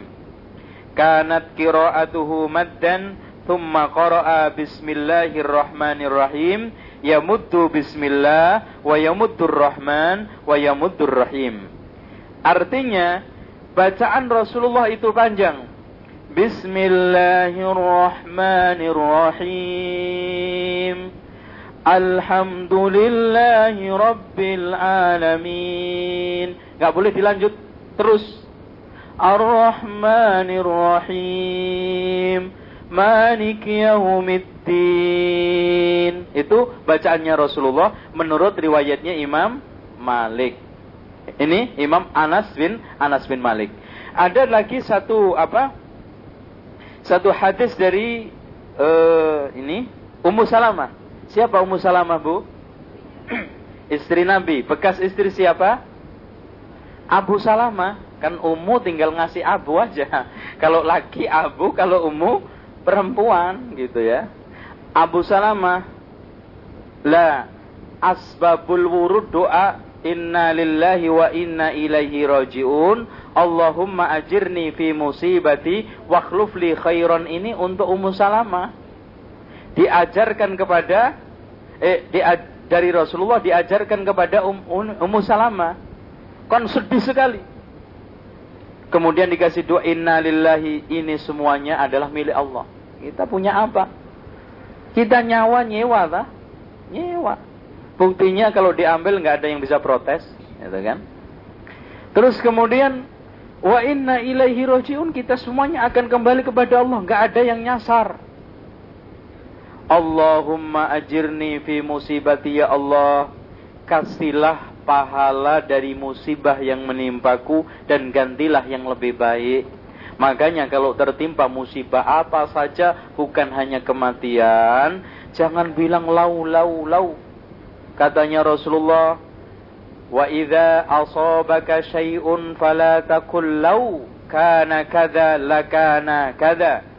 Fa inna law taftah amal syaitan walakin kul qadarullah wa ma syaa fa'al. Kalau kamu tertimpa sesuatu jangan bilang seandainya begini kan tadi begini. Karena lau seandainya di dalam masalah seperti ini buka pintu setan. Setan masuk. Maka ucapkanlah ini adalah putusan Allah, ini adalah takdir Allah, apa yang dikehendaki pasti terjadi. Ini kalau sudah terjadi, tapi kalau enggak jangan nangen-nangen. Hmm, jangan enggak boleh kita nantang musibah itu enggak boleh. Makanya Rasulullah itu melarang La tatamannawna liqa'al adu fa idza laqitum fasbutu. Jangan kamu angan-angan ketemu musuh. Tapi kalau ketemu teguh. Wah, kapan ya saya bisa perang? Jangan. Jangan angan-angan. Tapi kalau sudah ketemu kita harus teguh. Itu ya. Artinya sabat. Dengan demikian hadirin sekalian, wabil khusus kita kembali kepada masalah as-shalah ya. Yang sahih adalah kita mengucapkan Bismillahirrahmanirrahim.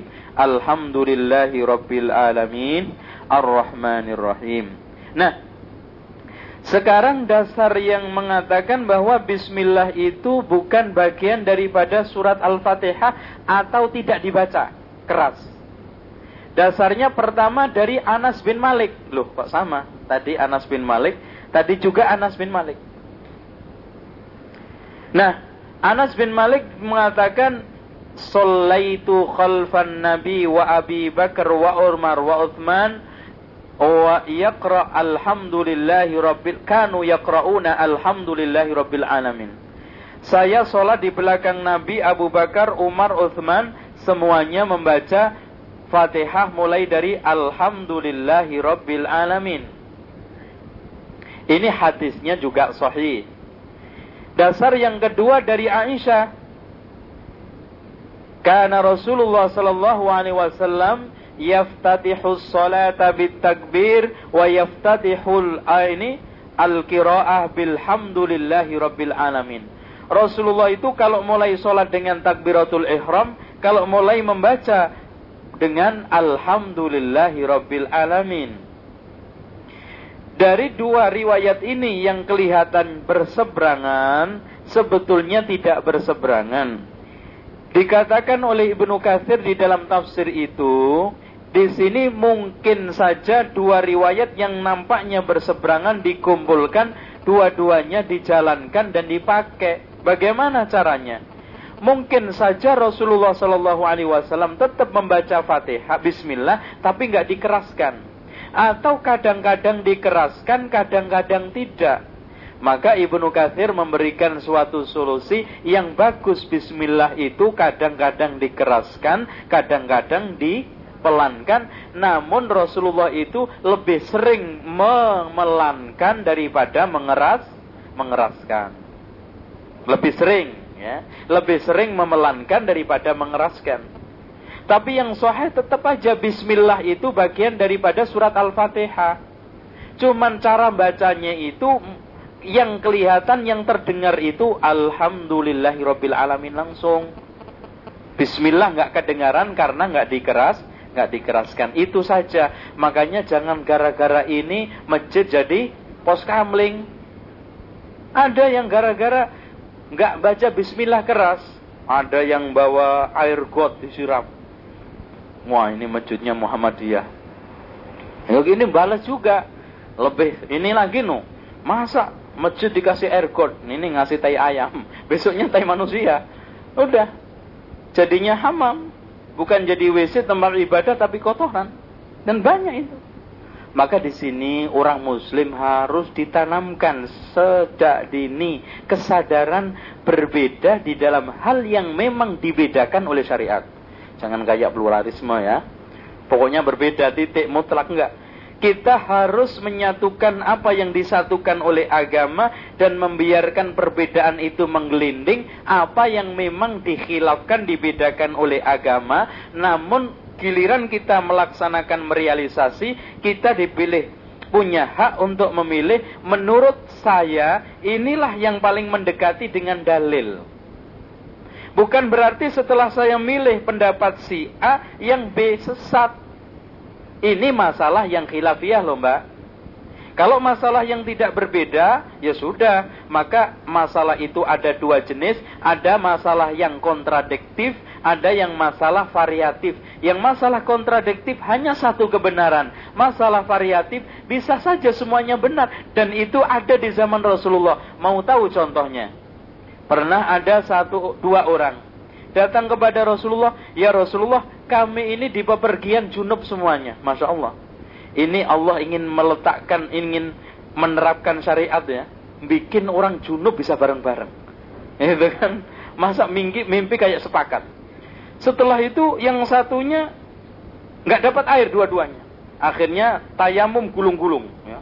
Ya, jadi uh, ini debu itu di eh, ini digelar begitu, terus langsung dia tidur kayak ini ayam begitu ya. Itu. Yang satunya cukup menepuk tangan dan e, muka dan tangan. Datang kepada Rasulullah, ya Rasulullah, saya melakukan ini. Yang satunya melakukan ini, yang men, ini mengusap e, muka sama telapak tangan dia katakan asab tas sunnah. Kamu telah sesuai dengan sunnah. Yang gulung-gulung ini dikatakan tak cukup sholatmu nggak usah diulangi. Indah toh? Ini yang sesuai dengan sunnah ini. Tapi tak cukup nggak usah diulangi. Seperti juga pernah ada orang yang langsung masuk masjid karena ingin ketemu rukuknya imam, dapat rekaatnya dari pintu mulai Allahu Akbar. Sampai sana. Setelah itu Rasulullah SAW memiliki mukjizah bisa melihat dari punggungnya. Makanya kalau ada sahabat ini barisan belakang ini nggak beres, tahu Rasulullah. Tahu sampai bacaan ini. Kemudian tahu, oh ini orang e, masuk sholat kok pakai macam-macam ini caranya. Setelah sholat, zadakallahu hirsan, semoga Allah subhanahu wa ta'ala menambah kesungguhanmu, wala ta'ud, jangan kamu ulangi. Lah, ada ulama yang menafsiri, jangan kamu ulangi sholatnya. Ada yang menafsiri, jangan kamu ulangi perbuatan ini. Nah, makanya yang bilang jangan ulangi perbuatan ini sudah nggak boleh lagi setelah itu sholat begini. Kalau nggak ketemu ya sudah. Tapi kalau jangan kamu ulangi sholat kamu berarti benar sholat saya ini terus itu kan. Nah, itu ini masalah khilaf di antara ulama tentang masalah menudukkan hadis dan dua-duanya juga termasuk perbedaan variatif. Ya, ini. Wallahu a'lam. Eh, selanjutnya kita akan memasuki keutamaan surat Al-Fatihah. Nah, di dalam hadis Rasulullah Sallallahu Alaihi Wasallam yang diriwayatkan uh, oleh Imam Ahmad di dalam musnadnya, ya, yang bunyi ini ada salah seorang sahabat ya. Yang naik kendaraan bersama Rasulullah ya. Bonceng Rasulullah. Kemudian kendaraannya itu terpeleset. Dia bilang ta'isa syaitan kurang ajar ini syaitan. Katanya Rasulullah la taqulu ta'isa syaitan jangan bilang kurang ajar syaitan fa innahu yakbur hatta yasiru kalbad dia akan membesar seperti rumah segede rumah. Di dalam riwayat lain ya ta'azam dia akan merasa gede merasa bang di hatimu sampai segede gunung. Walakin kulu bismillah ucapkan bismillah fa innahu yazhur dia akan mengecil hatta yasiru kadzubab sampai seperti lalat. Dari hadis ini hadirin sekalian ternyata orang muslim mukmin itu sama setan aja juga ada akhlaknya. Nggak ngawur kita. Ada akhlaknya. Emangnya mentang-mentang setan disodok begitu aja? Enggak. Ada aturannya, ada akhlaknya. Masya Allah. Makanya dikatakan Islam itu agama yang tertinggi akhlaknya. Wa innaka la'ala khulukin adim. Engkaulah ya Rasulullah, ya Muhammad. Orang yang akhlaknya paling tinggi. Jadi bukan kita membutuhkan akhlak cuma sama orang tua kita, sama suami atau istri kita, sama tetangga kita. Walau sampai sama iblis, sama setan itu dibutuhkan akhlak. Nggak main tonjok, main ngawur. Mentang-mentang setan, udah kurang ajar aja nggak apa-apa. Disumpah-sumpahi seenaknya, enggak. Tapi diatur, diarahkan. Kul bismillah. Kayaknya kalau kita uh, ada satu kejanggalan atau emosi atau kerjaan nggak selesai jatuh ini jangan bilang eh jaran. Ada orang yang begitu. Atau nyebut kalimat-kalimat macam-macam bilang Bismillahirrahmanirrahim. Sambar geledek kurang ajar gitu. Nggak boleh. Itu ya. Bilang Bismillah. Itu Bismillah. Ya. Ini akhlak. Karena ini berbahaya sekali ya di makanya setan itu kalau ditantang itu semakin ini Makanya jangan suka nantang jin. Jin itu kayak anak beling, tahu nggak anak beling, nakal itu loh. Kalau diusilin semakin usil, dibiarin juga ngerepotin. Makanya diperhatikan tapi jangan kayak-kayak kita memperhatikan. Ini kalau siapa yang kena itu diusahakan diobati sendiri, jangan ngundang orang. Kalau diundangin dia ngundang juga, eh ini ustadznya datang nih, kita cari yang gedean. ini ustadznya gede juga. Wah, dia muter sana sini cari. Datang lagi, datang lagi. Makanya semakin banyak yang rukyah, semakin banyak yang ini. Apalagi kalau sudah ber, ini keluar, masuk lagi. Lebih gede masuknya. Itu. Kayaknya diobati sendiri, jangan ngundang. Yang lainnya, nantang. Itu.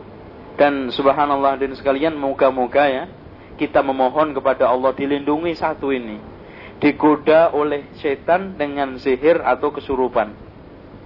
Ada orang yang sampai meninggal dunia itu hidupnya bukan di dunia, kayak-kayak dia itu ngomong sama orang, tapi nggak ada orang. Jadi dia ceritanya sudah dinikahi sama jin katanya, ngakunya gitu. Tentang zaman Rasulullah nggak ada dalil ya bahwa manusia bisa menikahi jin, jin bisa menikahi manusia tapi di zaman Ibnu Taimiyah dan Ibnu Taimiyah menyatakan bisa saja dan terjadi. Jin menikahi manusia, manusia menikahi jin. Dan ya gila itu bisa kejiwaan, bisa itu, bisa macam-macam. Ya, intinya di sana ada uh, gelagat-gelagat, tanda-tanda kalau orang itu gila gila jiwa karena sakit jiwa yang satunya karena kesurupan.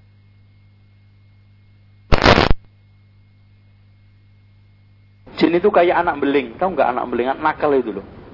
Kalau diusilin semakin usil, dibiarin juga ngerepotin.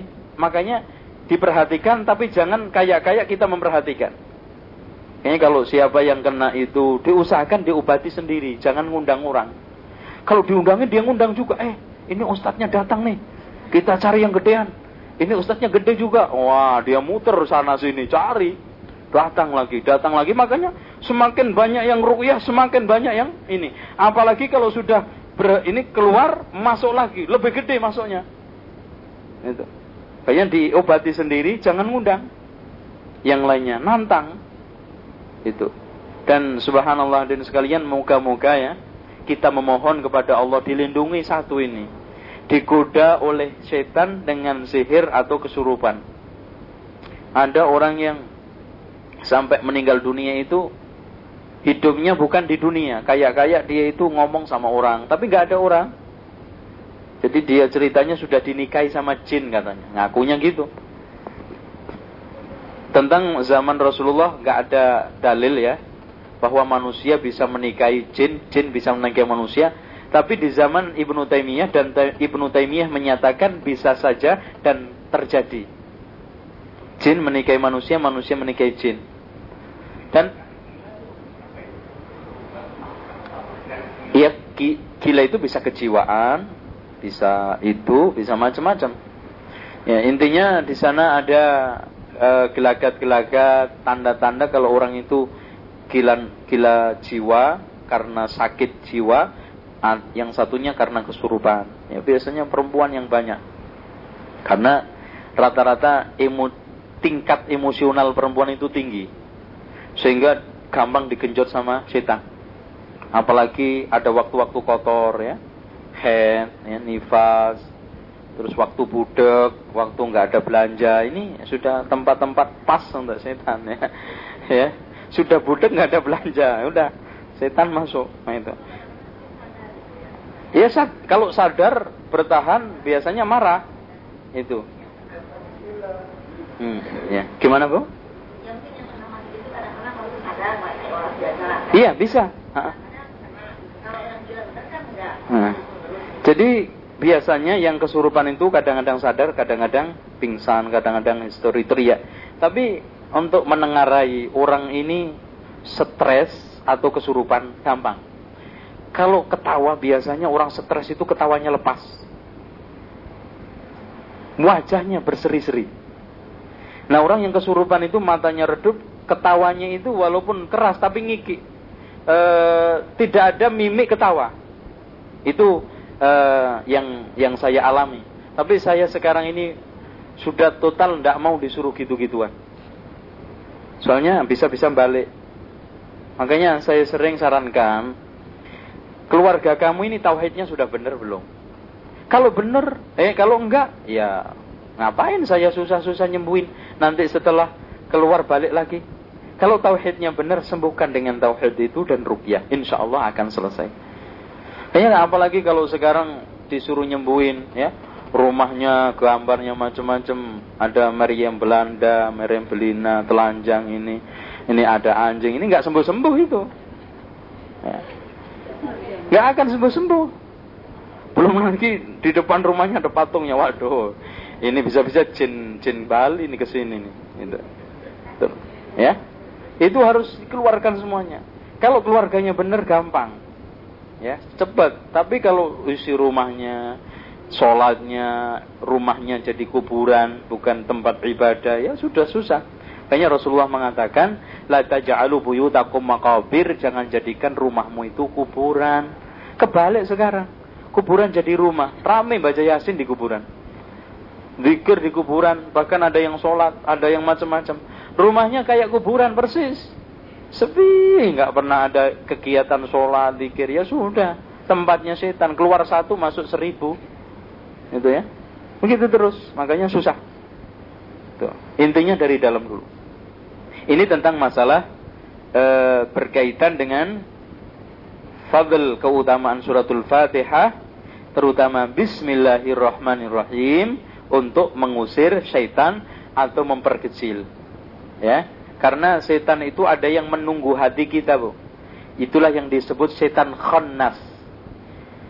Ya, dikatakan khonnas kalau man, hatinya lengah itu membesar sampai nempel plek. Kemudian kalau dia membaca bismillah ta'awud lepas lagi. Makanya terus, tidak ada setan ini lepas. Jadi terus nunggu aja. Jadi seakan-akan hati itu pula siap terus begini. Nah, lupa diterkam. Zikir dilepas lagi. Terus begitu namanya khonnas. Karena khonnas itu kalau giliran diserang musuh menyembunyikan kepalanya. Itu khonnas. Dalam surat apa bu? Ah? Annas. Alladhi ini khonnas. Alladhi waswisu fi sudurin nas. Minal jinnati wan nas. Itu namanya khonnas. Setan khonnas. Setan itu macam-macam. Ada khonnas yang khusus membidangi masalah hati, manajemen hati ya. Ini setan kerjanya manajemen hati tapi dirusak. Ada setan khinzib untuk gitik-gitik orang sakit. Ini orang yang sholat. Orang sholat itu bisa nggak karu-karuan. Itu gara-gara setan satu ini. Khinzib. Mungkin pernah saya ceritai khinzib, khinzib ya. Pernah saya ceritai ada orang kehilangan harta karun disuruh sholat ketemunya di sholat benar. Iya, sholatnya setan itu. Ya setan ini. Ayo godaannya Masya Allah. Dan sekalian kita kadang-kadang sholat itu. Wah, ya, gimana kalau sholat ya begini, nggak sholat ya dosa kan gitu. Hanya harus diusahakan. Maka Allah mengatakan wasta'inu bis sabri was wa innaha lakabiratun. Besar, berat illa 'alal khashi'in kecuali orang-orang yang bisa khusyuk. hmm, sekarang kita akan uh, nyampe kepada pembahasan masalah disunahkan kita mengucap bismillah setiap kita melakukan perbuatan kebaikan. Hadirin sekalian, di sini di antara perkara-perkara yang disunahkan membaca bismillah antara lain seluruh macam kebaikan, ya, seluruh macam perbuatan baik. Halo, Assalamualaikum. Hmm. Ya, nanti jam berapa? Oh, jangan jangan empat malam. Kemarin saya khutbah itu bisa pingsan, bu. Jadi untung aja ada yang gantiin. Jadi di tengah khutbah itu pingsan. Jadi Iya darah rendah. Langsung drop geliang-geliang keluarnya bentang bukan manusia di depan saya. Di sini kunang-kunang nggak sampai. Iya terlalu sampai. Jadi eh, ini nanti ke puncak lagi. Kemarin mungkin masuk angin di puncak kali. Kita lanjutkan tentang masalah hal-hal yang disunahkan membaca bismillah Pertama Bu ya ketika mau bekerja apa saja ini juga termasuk solusi atau cara terapi untuk penyembuhan sihir. Orang yang sudah kesurupan atau kena sihir disunahkan untuk membaca bismillah ketika apa saja. Mau ngambil barang, mau makan, mau minum, mau kerja apa saja, jangan sampai lepas bismillah. Gitu. Kemudian ketika kita membaca Al-Quran, ya, bekerja, itu. Di dalam hadis Rasulullah SAW, Samillah wa kul biyaminika wa kul mayalik. Bacalah bismillah, makan dengan tangan kananmu, dan cukup yang di pinggir saja. Makanya kalau makan jangan ini, makan bareng ya. Makan bareng lunjak gitu ya. Jadi cukup yang di piring, waduh, giliran jatah saya nggak enak ini. Nah, gitu ya. Jadi cukup insya Allah ini yang berkah. Terus kemudian dengan tangan kanan. Minum dengan tangan kanan. Makan dengan tangan kanan. Ini bukan hanya sekedar adab. Bahkan pernah ada orang sahabat disuruh makan Rasulullah pakai tangan kanan. Saya nggak bisa. Katanya Rasulullah yang yang tidak menyebabkan bisa itu karena kesombonganmu. Akhirnya dia itu nggak bisa ngangkat makan ke atas mulutnya. Ini termasuk mujizah Rasulullah SAW. Gak bisa. Eh? Uh, kalau kidal nggak apa-apa atau sakit kecelakaan tangan kanan nggak berfungsi nggak apa-apa. Ini yang normal ya, yang normal. Iya, yeah, kalau memang bisa diusahakan bisa ya, itu ya. Terus gini bu ya, ini sebetulnya ada sayi'ah, kebiasaan-kebiasaan buruk yang dikembangkan oleh orang-orang Barat, non Muslim. Kembang, kebanggaan mereka adalah makan tangan kiri, minum tangan kiri. Iya, apa saja. Sehingga di sini agama Islam memberikan suatu ajaran yang indah. Dibedakanlah fungsi. Ini fungsi untuk makan, ini fungsi untuk cebok. Jangan dicampur-campur. Cebok sama makan masak satu. Indah kan? Tapi orang Islam kadang-kadang meninggalkan keindahan ajaran ini, lebih memilih ajaran-ajaran yang tidak benar sehingga kehidupannya tidak dekat dengan Islam. Dan itu tidak tidak susah gitu loh bu ya, nggak susah. Apa sih susahnya? Bahkan indah. Masya Allah, makan tangan kanan, minum tangan kanan, itu bagus. Dan ini banyak sekali sudah, Masya Allah ya. Bahkan saya kita lihat seorang ustaz atau kiai makan tangan kan kiri. Gitu. Karena bukan dia tidak tahu di Riyadus Solihin ada itu. Kalau urusan Riyadus Solihin kan paling lontok pesantren itu. Bukan nggak tahu tapi tidak memperhatikan dan tidak menganggap bahwa itu penting dan besar. Taruhlah paling tidak kita ini mutaba'ah mengikuti sunnah Rasulullah, menghidupkan sunnah Rasulullah Sallallahu Alaihi Wasallam. Dan itu tidak sulit, tidak sulit mudah sekali. Cuman karena kadang-kadang bis bangga gitu bisa makan tangan kiri karena niru si fulan, si fulan, si fulan sehingga itulah yang menyebabkan susah untuk dihilangkan. Nah, di antara juga kita disunahkan untuk bahkan bukan sunnah artinya tidak wajib wajib membaca Bismillah ketika wudhu. Ya, ketika wudhu. Cebuk di situ ada hadisnya ya mbak ya? Ada nggak? Bunyinya gimana? La wudu'a. La wudu'a ini berarti tidak ada wudhu. Lam yadkurismallah orang yang tidak menyebut nama Allah. Makanya tidak harus bismillah juga Bu ya. Tidak harus bismillahirrahmanirrahim. Cukup bismillah, bismillahirrahman, bismillahirrahim. Nama-nama Allah kita sebut mau wudhu. Tapi yang tertinggi, yang al-azam yang paling besar adalah Allah, maka cukup kita mengucap bismillah. Langsung. Kita cuci tangan, terus apa bu? Setelah cuci tangan, berkumur dan seterusnya, baru kita tutup dengan asyhadu alla ilaha illallah wa asyhadu anna muhammadan abduhu wa rasuluhu. Allahumma ja'alni minat tawabina wa ja'alni minal mutatahhirin.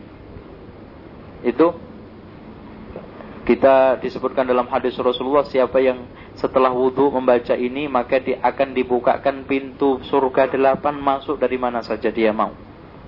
Fadilahnya besar. Itu bismillah. Di antaranya juga disunahkan membaca bismillah ketika kita mau bercampur dengan istri suami kita. Dikatakan di dalam hadis Rasulullah yang di situ juga ada. Ada nggak mbak? Hah? Ada. Lau anna ahadakum kalau salah satu di antara kalian idza arada mau ya, mau bukan setelah. Setelah baru baca, nggak ada gunanya. Ayyatiya ahlahu mendatangi keluarganya qala bismillah mengucapkan bismillah Allahumma jannibna syaitan. Ya Allah jauhlah jauhkanlah kami dari syaitan. Wa jannibis syaitan ma razaqtana dan jauhkan syaitan dari apa yang kau telah berikan rezeki kepada kami yaitu berupa anak fa innahu in yuqaddar. Kalau ditakdirkan hubungan itu bainahuma di antara suami istri waladun anak lam yadurruhu syaitanu abadan tidak akan bisa diganggu dibahayakan setan. Makanya sekarang banyak yang nakal ini kayaknya bikinnya nggak pakai doa itu. Lupa. Ada yang punya anak cucu belum hafal ini doa ini. Wah ini jelas nggak beres ini bikinnya dulu makanya di sini diapalin itu penting ini lam yadurruhu syaitan tidak akan dibahayakan oleh syaitan. Kayaknya di sini di antara terapi untuk mencari bibit generasi yang soleh, solihah. Di samping kita usaha tarbiyah, mendidik, mengajar, mengasuh dengan baik, doa itu juga penting di antaranya ini. Ini kadang-kadang diremehkan. Padahal mudah ya, diapalin nggak ada lima menit udah kena. Ya, udah kena. Itu dibaca. Bismillah, Allahumma jannibna syaitan wa jannibis syaitani ma razaqtana. Itu aja titik. Bismillah, Allahumma jannibna syaitan wa jannibis syaitana ma razaqtana. Itu aja titik. Itu bacaan ketika kita mau bercampur ya bismillahnya itu. Cukup Mungkin ada yang ini kita buka terentangnya jawab saja ya Bu ya. Ya silakan. Uh, Ustadz ada yang ingin saya tanyakan. Uh, uh, sekarang ini di apa namanya ketika kita berwudu itu uh, di uh, di kamar mandi itu kan ada uh, WC dan kamar mandi itu menjadi satu Ustadz. Nah apakah ketika kita wudhu itu kita boleh membaca basmalah di dalam uh, eh, WC yang ada tempat membuang hadas besar. Terima kasih. Kalian, kalau kita berwudu disunahkan di tempat yang tidak WC dan najis. Kalau memang terpaksa, boleh hukumnya makruh. Kenapa makruh? Karena mau tidak mau harus membaca bismillah karena bismillah ini wajib. Sementara tidak berzikir di tempat itu hanyalah adab maka wajib lebih menang daripada adab itu tetap tapi makruh. Kita baca tapi makruh karena syarat wudhu. E, sama di, di, di, di hati bukan namanya membaca.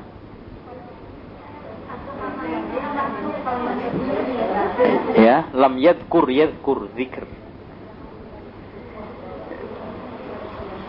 sebelum mandi wudhu dulu gitu otomatis di dalam kamar mandi gitu kan. Iya makanya di, hanya makruh. Sebetulnya di sini bukan menyebabkan rusaknya ibadah makruh itu. Makruh di dalam hal ini, makruh di dalam hal ini tuh lebih baiknya ditinggalkan itu saja bu ya.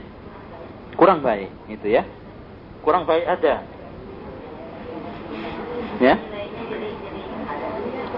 Maka di sini usahakan kalau bisa ya ada tempat-tempat untuk buang hajat sendiri, ada tempat untuk e, bersuci sendiri. Bersuci itu meliputi wudhu, mandi dan yang seterusnya. Ya, iya. Atau kalau besar dipisah, kalau besar nggak apa-apa. Kalau yang nggak boleh itu pas. Ini ya. Kalau besi ya, bukan di lingkungannya ini. Ya. Ya. Karena khawatir mercek saja khawatir mercik. Bukan karena macam-macam, khawatir percikan-percikan najis itu najis ini.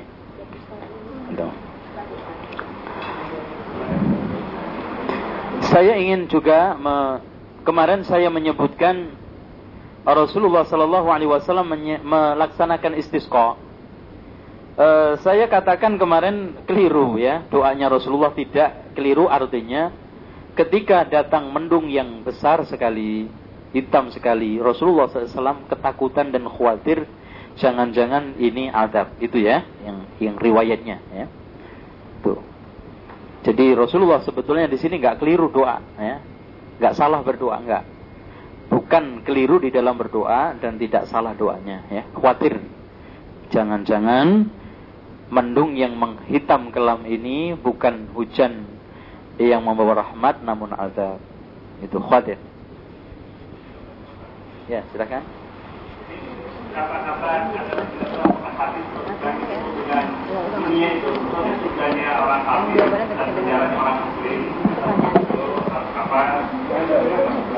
Iya.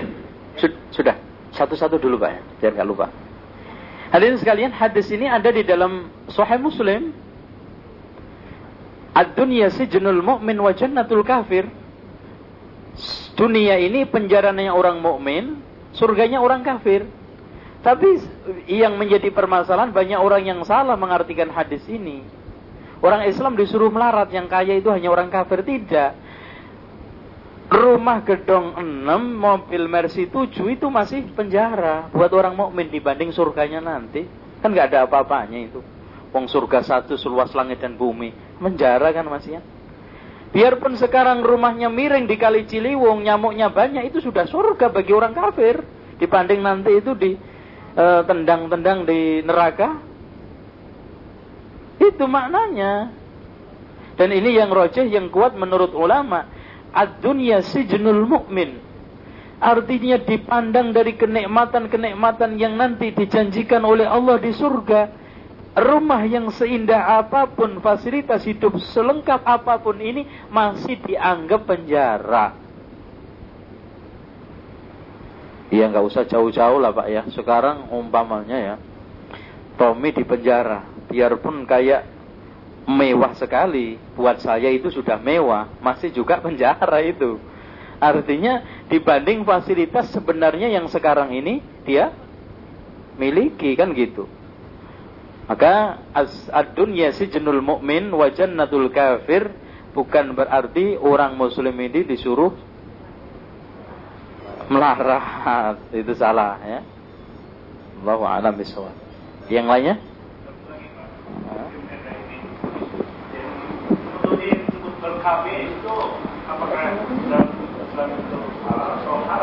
KB, apa KB itu apa? Keluarga besar. Oh, keluarga berencana. Saya lebih senang mengartikan keluarga berkah. Keluarga yang banyak anak, ya. Sebetulnya hadirin sekalian, kita itu dibolehkan uh, apa? Uh, me mengatur yang tidak boleh atau yang dilarang itu yang membatasi. Maka di dalam fikih-fikih ulama itu yang haram itu tahdid. Tahdidun nasl membatasi keturunan. Kalau hanya tangzim mengatur keturunan tidak ada masalah, dibolehkan. Itu karena kepen, ini kepentingan pendidikan, kepentingan macam-macam, tapi jangan sampai alasan takut miskin sama takut nggak bisa makan. Itu haram, nggak boleh. Maka di dalam Al-Quran ada dua ayat. Wala taqtulu awladakum min imlak. Yang satunya wala taqtulu awladakum khasyatal imlak. Membunuh anak karena miskin atau membunuh anak takut miskin sama-sama nggak boleh. Ini ada orang yang bunuh anak karena unsurnya miskin, ada yang unsurnya sudah kaya takut miskin. Dua-duanya nggak boleh.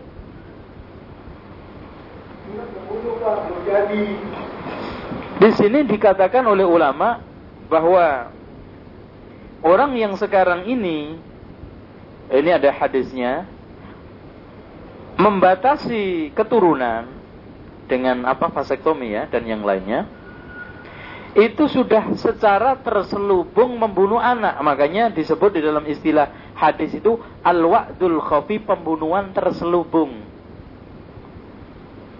Itu. Cuman secara hukum kriminal dia tidak kena sanksi seperti orang yang membu membunuh. Kecuali kalau sekarang nampak nyawanya ini ulama-ulama menyatakan dia dianggap membunuh tidak sengaja kena denda dan bayar kafarot dendanya unta 100 satu anak terus kemudian membayar kafarot memerdekakan budak nggak ada budak puasa dua bulan berturut-turut. Jadi dua. Ini fatwa dari lajnah daimah bagi orang yang melakukan aborsi. Ya di samping masya Allah. Saya di di desa Jawa Timur ada orang yang ingin menggugurkan nggak jadi. Ternyata anaknya itu lahir gantengnya setengah mati bisu. Jadi subhanallah saya jadi itu jadi diusahakan dibunuh tapi nggak berhasil. Jadi dicor dengan merica nggak mati. dicor pakai merica itu. Dibawa ke dukun sana dukun sini dipijat nggak keluar. Akhirnya itu tadi hidup tapi bisu. Ya itu masih untung ada yang idiot. Diobatin terus tapi lahir. Makanya di sini kita usaha, kita atur, tapi kalau sudah jadi jangan ditolak itu rizki. Katanya Umar bin Khattab radhiyallahu mengatakan, perbanyaklah kamu punya anak karena tidak tahu kamu ini rezeki kamu ini ketiban anak yang keberapa. Jadi anak itu masing-masing bawa rezeki.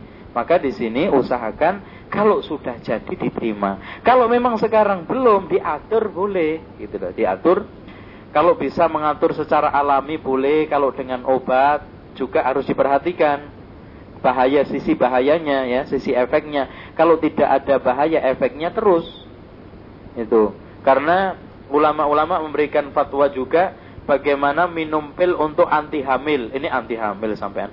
Anti head supaya nanti hajinya atau puasanya bisa. Itu dibolehkan asalkan tidak membahayakan. Karena tidak semuanya mulus. Ada pernah saya bawa jamaah haji minum itu. Akhirnya e, keluar tapi kayak bukan darah, tapi juga bukan keputihan.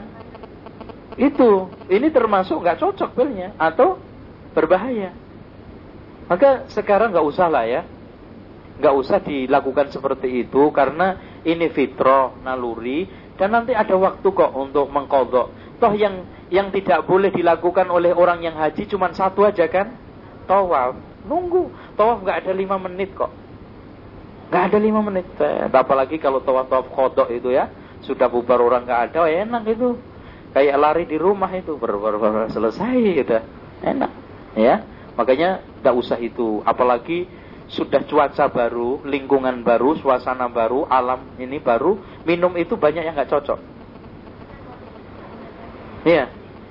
Jadi nggak keluar beneran darah head, nggak nggak keluar darah head beneran, atau juga bukan uh, keputihan. Jadi ada keluar darah yang ini cairan yang agak sedikit-sedikit darah itu. Itu berbahaya. Begitu juga puasa dibolehkan tapi kalau nggak membahayakan dan juga kita kalau memang bisa melakukan terapi terapi terapi apa?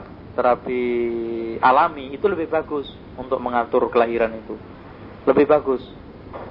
Kalau nggak bisa carilah e, di antara sekian obat pil itu yang paling paling kecil resikonya ya. Paling kecil resikonya.